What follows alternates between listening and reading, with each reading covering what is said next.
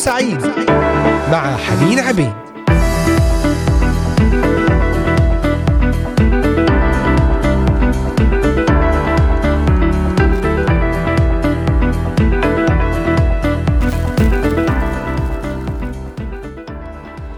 أهلا وسهلا بكم متابعينا ومستمعينا الاحباء أينما كنتم أجمل وأطيب التحيات لكم جميعا. من هنا من الأراضي المقدسة من إذاعة صوت الأمل. تحياتنا إليكم أينما كنتم تستمعون إلينا من مختلف بلدان الشرق الأوسط بلدان أوروبا كندا أمريكا أستراليا. متابعينا على صفحة الفيسبوك إذاعة صوت الأمل وعلى منصتي التليجرام والإنستغرام Voice of Hope Middle East وعلى منصات البودكاست المختلفة. أنغامي سبوتيفاي ديزر أمازون ميوزك كاست بوكس أبل وجوجل بودكاست ومنصة بودفاين وبإمكانكم الاستماع إلينا مباشرة من خلال قناة اليوتيوب إذاعة صوت الأمل بث مباشر وعبر تطبيقات الهواتف النقالة Voice of Hope Middle East وعبر موقعنا الرسمي voiceofhope.com أهلا بكم في حلقة جديدة من برنامج نهاركم سعيد. وموضوع حلقتنا لهذا اليوم هو هذا السؤال لماذا خلق الله آدم مع علمه أنه سيخطئ ويجلب الشقاء له ولكل جنسه؟ وإن كان الله يحب آدم فلماذا لم يمنعه من العصيان رغما عنه؟ سؤال لربما يحير ويتراود على أذهان بعض المستمعين أو أغلب المستمعين لماذا لم يكن هنالك تدخل من الله في منع آدم من أن يعصي وأن يدخل الخطية إلى حياته وإلى حياة الآخرين من جنسه؟ الرد لأن الله محبة. ومن شأن المحبة الخالصة ألا تحصر صاحبها في إسعاد ذاته بل تدعه يتجه إلى إسعاد الآخرين ولذلك خلق الله آدم لكي يسعده ويمتعه بكل خير لديه. أما قول بعض الفلاسفة أن الله خلق آدم لكي يعلن بوجوده أو يعلن بواسطته عن وجوده أو لكي يتقبل من آدم العبادة والإكرام اللائقين به فهذا لربما ليس له نصيب في الصواب لأن الله كامل كل الكمال ومستغن بذاته كل الاستغناء. من جهة معرفة الله السابقة بأن آدم سيعصاه ويجلب على نفسه الشقاء فكانت تمنعه من خلقه. لو كانت هنالك عقبه ما يمكن أن تمنعه من تحقيق أغراضه السامية من نحوه. ومن ثم فإن خلق آدم مع علمه أنه سيعصي لأنه يستطيع أن ينقذه من نتائج العصيان ويحقق كل أغراضه الأزلية السامية من نحوه. وقد تحققت فعلا هذه الأغراض وكما تحدثنا في الحلقات السابقة. إن كان الله قد خلق آدم بدافع المحبة فلماذا لم يخلقه معصوما من الخطأ؟ أحبائي إن العصمة لا تتوافر إلا في يد من لا بداءة أو نهاية له أو بالحري في الله دون سواه. ولذلك فإن الإنسان أو غيره من المخلوقات لا يكون معصوما من الخطأ. ومع ذلك فالله لم يخلق وإن لم يخلق آدم معصوما لكنه خلقه على صورته بمعنى أنه خلقه بروح عاقلة لها كل الإمكانيات للتوافق مع الله في صفاته الأدبية السامية ومن ثم كان من الميسور لآدم ألا يخطئ لو كان قد عقد النية على ذلك. وأيضا إن كان الله يحب آدم فلماذا لم يمنعه من العصيان رغما عنه حتى يجنبه هو ونسله الشر والبلاء. سنتابع في هذه الأسئلة وهذا النقاش لكن في البداية نصلي أن الرب يمنحنا وقتا مباركا وقتا فيه كلمة له خاصة لحياتنا لقلوبنا إجابة على أسئلتنا صلي أن يباركك الرب عزيزي المستمع وعزيزتي المستمعة بأي أمر تسألونه أي أمر تطلبونه من الرب ثق أن الرب سيستجيب ثقوا أن الرب سيستجيب مهما طال الوقت ومهما كانت الأمور صعبة. الرب لا يعثر عليه أمر. الرب إله حياة الرب إله عظيم أعظم من كل أمورنا ومشاكلنا.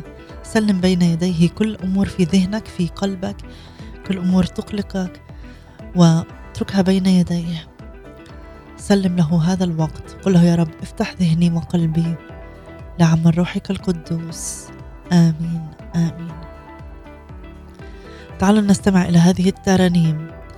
أرفع يداي عاليا لله أنت ملك الملوك ونعود ونكمل في حديثنا.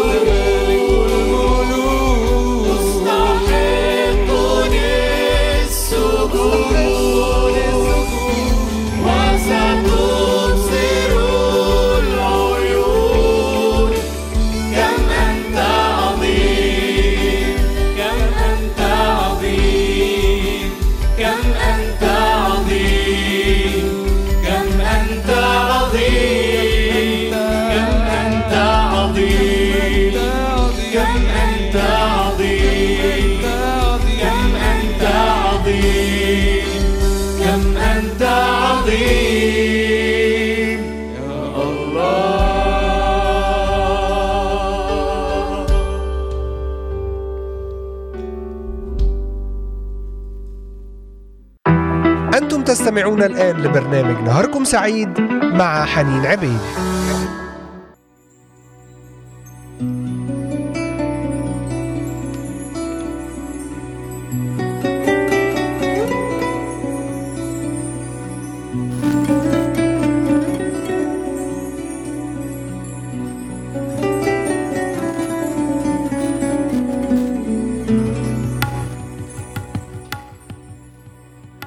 كان الله قد خلق آدم بدافع المحبة فلماذا لم يخلقه معصوما من الخطأ؟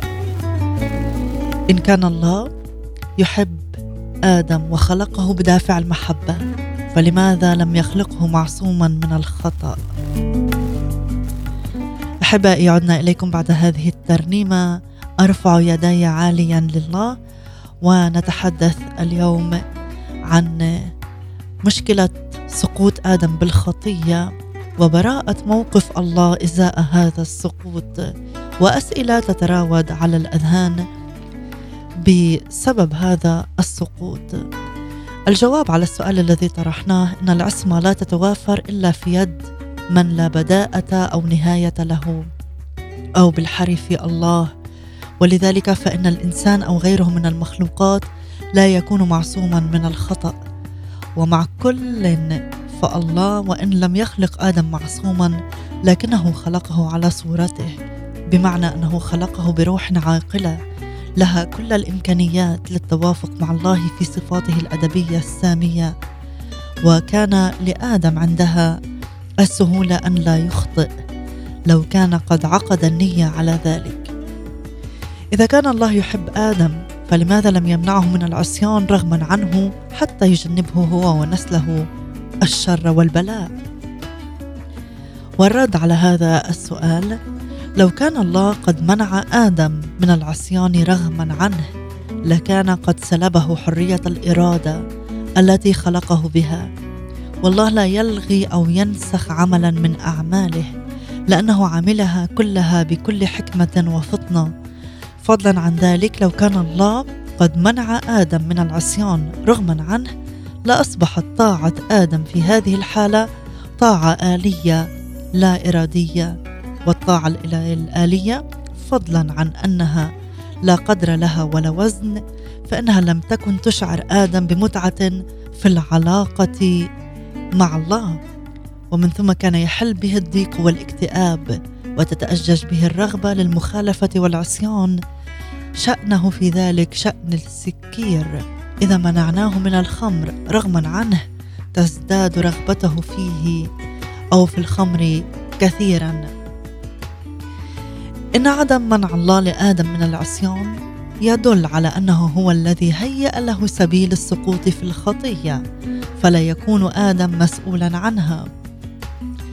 حبائي إن الله أسمى من أن يهيئ لآدم أو لغير آدم سبيل السقوط في الخطيئة.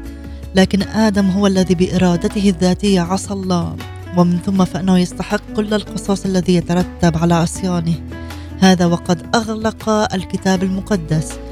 الاعتراض أمام هذا فقال إن الله لا يجرب بالشرور ولكن كل واحد يجرب إذا انجذب وانخدع من شهوته ثم أن الشهوة إذا حبلت تلد خطيئة والخطيئة إذا كملت تنتج موتا. لو كان الله قد أراد لآدم حياة السعادة في الجنة لكان قد هيأ له الوسائل التي كانت تساعده على عدم العصيان. سنرد على هذا السؤال بعد هذه الترنيمة مع المرنمة نادية منير حقك تاخذ السلطان. ابقوا معنا.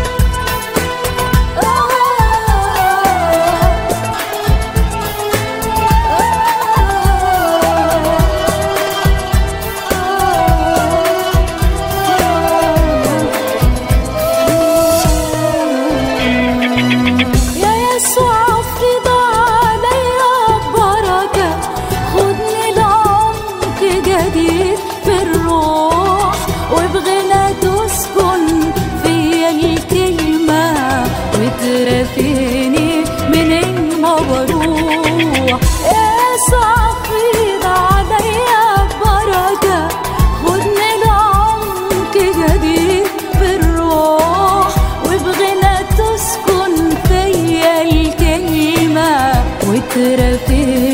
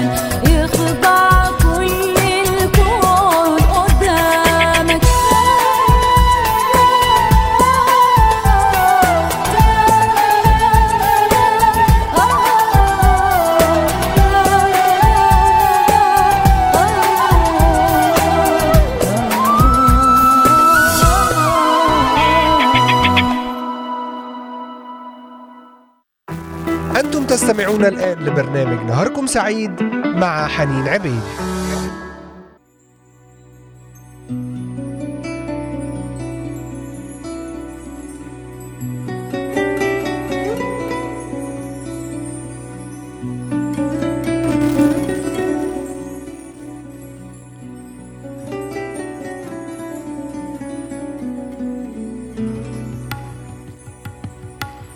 أحبائي عدنا إليكم بعد هذه الترنيمة ونكمل في موضوع حلقتنا لهذا اليوم وأسئلة عن السقوط في الخطيئة.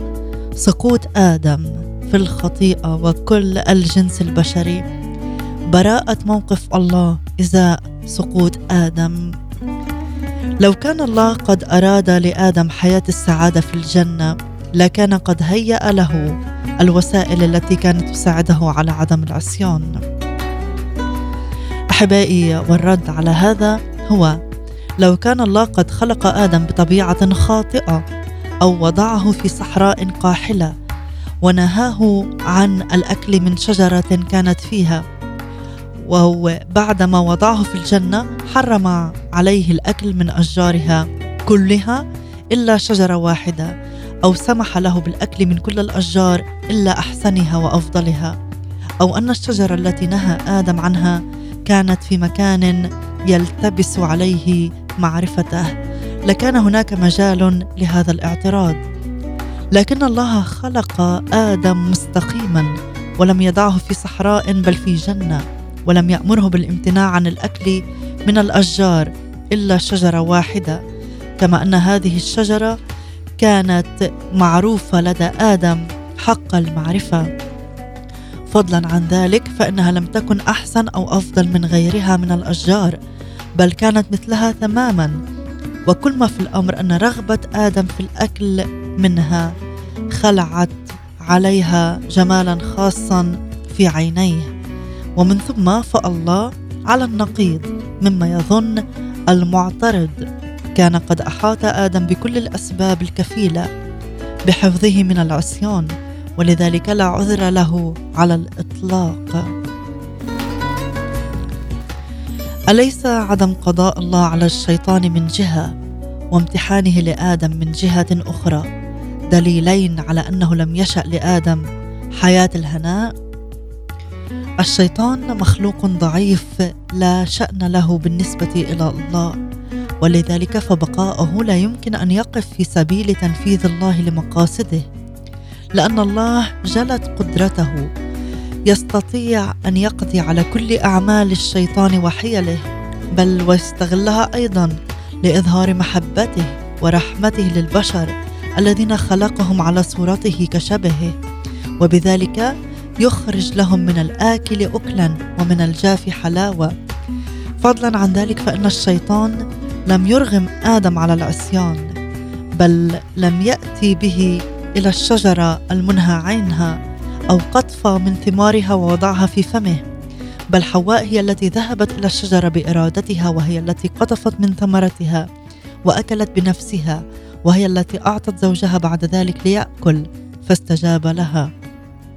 ومن ثم فبقاء الشيطان لا يخلي آدم أو امرأته من مسؤولية العصيان لأنه كان من السهل عليهما أن يتحولا عن صوت الشيطان لو كان قد أرادا أن يعيشا حياة الطاعة لله. وإذا أضفنا إلى ذلك أنه كان من الجائز جدا أن يعصيا الله لو لم يكن الشيطان موجودا وذلك بسبب حرية الإرادة التي كانا يتمتعان بها. لأن هذه الحرية كما تقود إلى الطاعة تقود أيضا إلى العصيان. اذا ليس هنالك مجال لهذا الاعتراض. أما من جهة الامتحان فقد كان من الواجب أن يظهر آدم وامرأته أهليتهما للمركز السامي الذي وضعهما الله فيه. فإذا تبين أنهما يطيعان الله يمكن أن يتمتعا بهذا المركز إلى الأبد. وإذا سقطا فللسقوط علاج كفيل بإعادتهما لا إلى حالتهما الأولى فحسب بل إلى حالة أفضل منها كثيرا بفضل نعمة الله التي لا حد لها. لذلك ليس مجال للاعتراض على هذا الامتحان. إذا كان الله يعلم منذ الأزل أن آدم سيعصاه فلماذا لم يتركه وشأنه دون امتحان؟ لأنه إذا قدم له هذا الامتحان لم من التأكيد كان سيسقط ويحرم من الجنة. وإذا لم يقدم هذا الامتحان لم يحرم آدم من الجنة. سنرد على هذا الاعتراض بعد هذه الترنيمة مع مليسا خير الله إيه، باركي الرب يا نفسي باركي ابقوا معنا.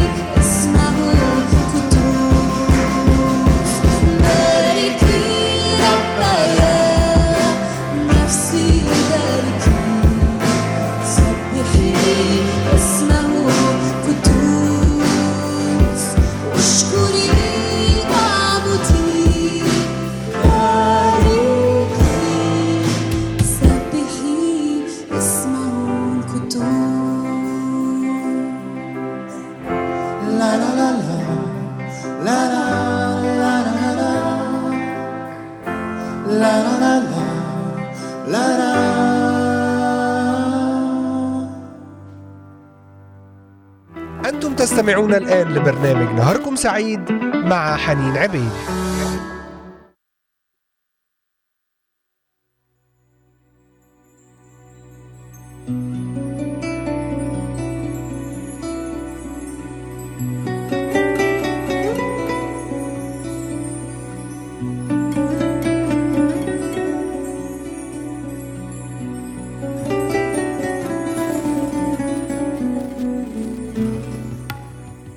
إذا كان الله يعلم منذ الأزل أن آدم سيعصاه فلماذا لم يتركه وشأنه دون امتحان؟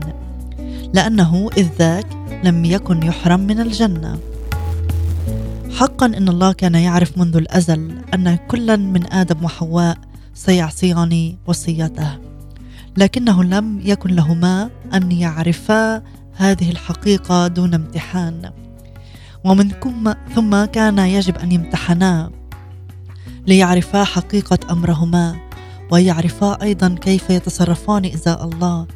وللإيضاح نقول إذا ألغيت الامتحانات المدرسية مثلا لما عرف معظم الطلبة حقيقة أمرهم بل ربما ظن الضعفاء منهم أنهم أفضل من غيرهم ومن ثم يتملكهم الغرور بأنفسهم.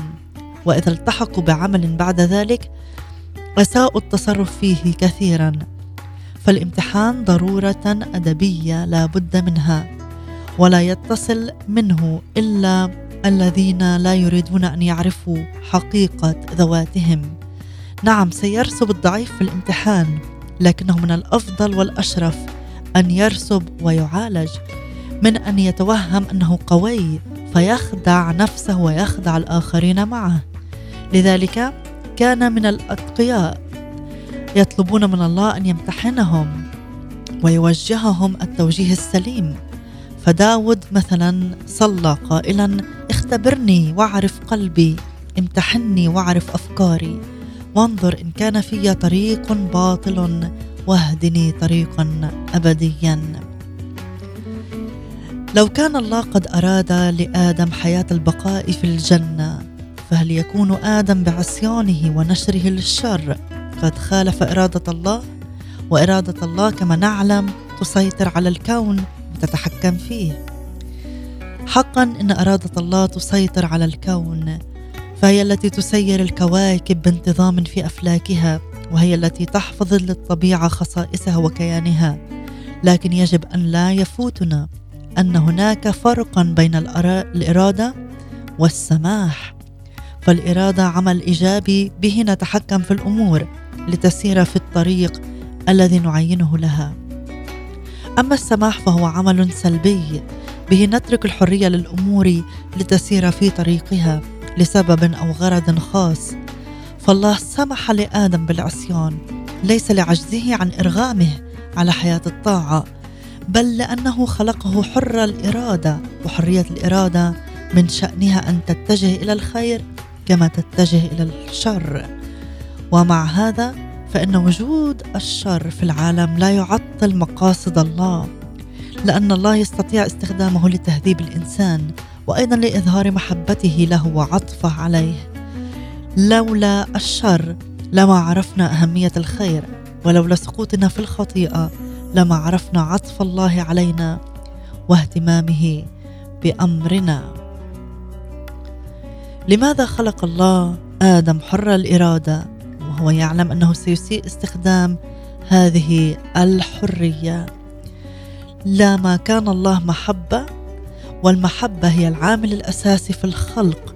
لذلك كان من البديهي أن يخلق الله البشر بإرادة حرة حتى تكون لهم القدرة الذاتية على أن يبادلوه حبا بحب. لأن المحبة المتبادلة لا تقوم إلا على حرية الإرادة.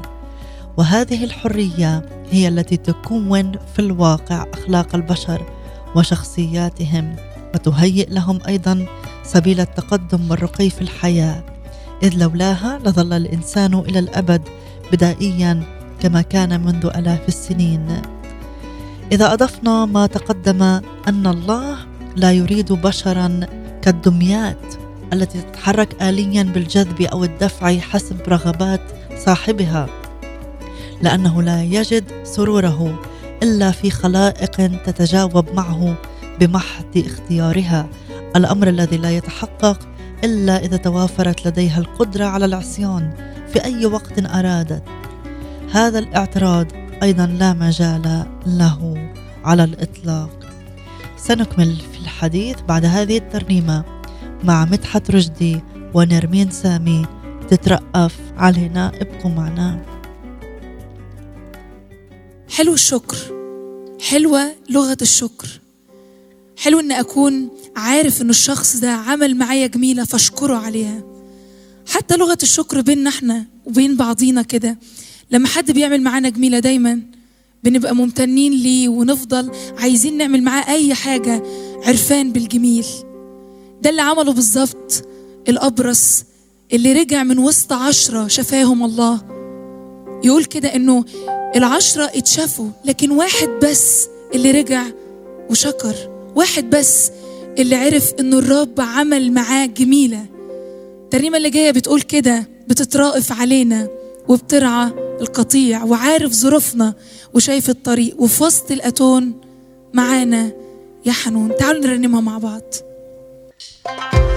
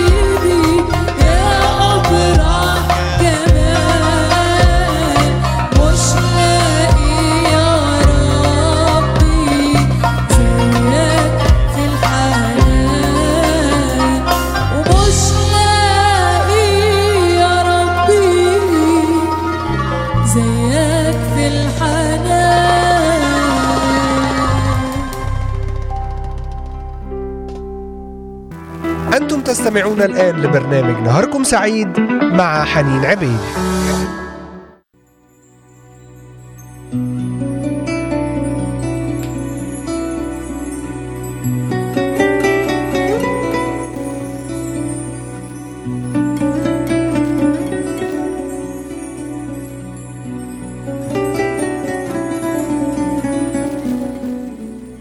أحبائي في ختام هذه الحلقة التي ناقشنا فيها أسئلة عديدة. قد تكون أسئلة تدور في ذهنك تدور في ذهنك أحبائي المستمعين حول موضوع براءة موقف الله إذا سقوط آدم. تحدثنا وناقشنا في عدة أسئلة. لماذا خلق الله آدم؟ مع علمه أنه سيعصاه.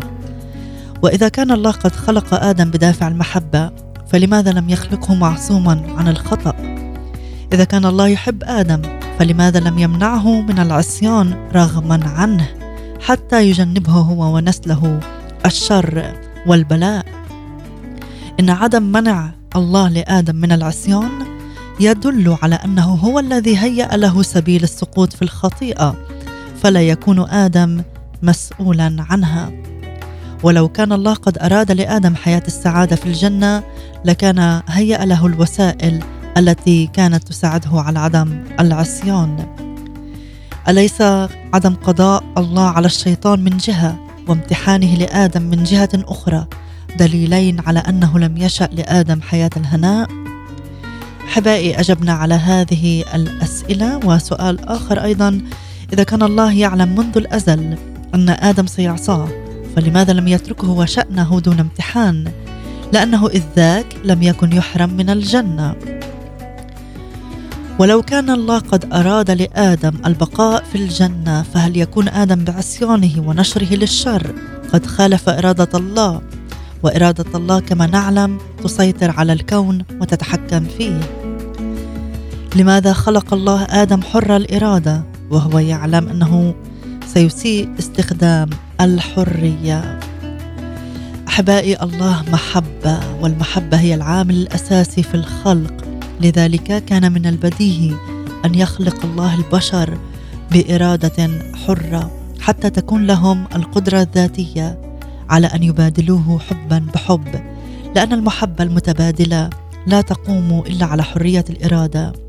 وهذه الحرية هي التي تكون في الواقع أخلاق البشر وشخصياتهم وتهيئ لهم أيضا سبيل التقدم في الحياة.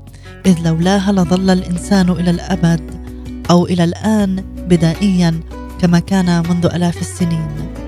الله لا يريد بشرا تتحرك اليا لأنه لا يجد سروره إلا في خلائق تتجاوب معه بمحض اختيارها. إذا نظرنا إلى الحرية من الناحية الإنسانية العامة نرى أنها أسمى ما يعتز به الكائن العاقل البشر المحرومين منها يجاهدون بكل قواهم للحصول عليها. وإذ كان الأمر كذلك فمن التناقض أن نعتز بالحرية وفي الوقت نفسه نعترض على أن الله خلقنا أحرارا. فإذا كان آدم استخدم الحرية لإرادة في طبعه التي خلقها الله له الإرادة التي هي طبعه. فالعيب بآدم وليس في الحرية هو انحرف هو اختار الشر. محبة الله غير محدودة. فلم يعامل الإنسان حسب عصيانه بل أظهر له كل عطف ورحمة. هيأ له الوسائل التي تمكنه من استخدام حرية إرادته في الامتناع عن كل شر والقيام بكل خير. وعندما يؤمن إيمانا حقيقيا بالرب يختار من كل قلبه الخلاص. إذا كان الأمر كذلك فهل سمح الله لآدم بالسقوط في الخطيئة لكي يظهر محبته الأزلية ويكفر بنفسه عنه؟ حاشا لله أن يكون قد سمح لآدم بالسقوط في الخطيئة لهذين الغرضين لأنه لا يسمح بالشر لكي يأتي بالخير إذ أنه لا يصطاد في الماء العكر كما يفعل بعض الناس. بل ما حدث هو أنه هيأ لآدم الأسباب الكفيلة ببقائه في الجنة إلى الأبد. لكنه لما سقط بإرادته لم يشأ الله أن يتركه في خطيئته بل احتملها وكفر عنها بنفسه. الاحتمال والتفكير أو التكفير لم يكونا حدثين جديدين بالنسبة إلى الله بل كانا لديه منذ الأزل. يعرف كل الأشياء قبل ظهورها وهذا الأمر الذي يتوافق مع الله في كماله وعدم طروء أمر جديد عليه. صلي من كل قلبي أن تكون هذه الحلقة أجابت على أسئلة لديك ولديك أحبائي المستمعين من جهة الله ومحبته وسماحه وعدله وقداسته. ولماذا الشر موجود؟ إن كان الله كلي المحبة. بصلي من كل قلبي أن تكونوا قد استفدتم من هذه الحلقة. لنا لقاء جديد بنعمة الرب يوم غد بنفس المكان والزمان بمواضيع جديدة وسلسلة جديدة. صلي من كل قلبي لبقية نهار مبارك. بنعمة الرب يسوع المسيح لنا لقاء غدا عند الواحدة بتوقيت القدس. هذه تحياتي كانت معكم حنين عبيد وأترككم مع ترنيمة وداع من حنان ليا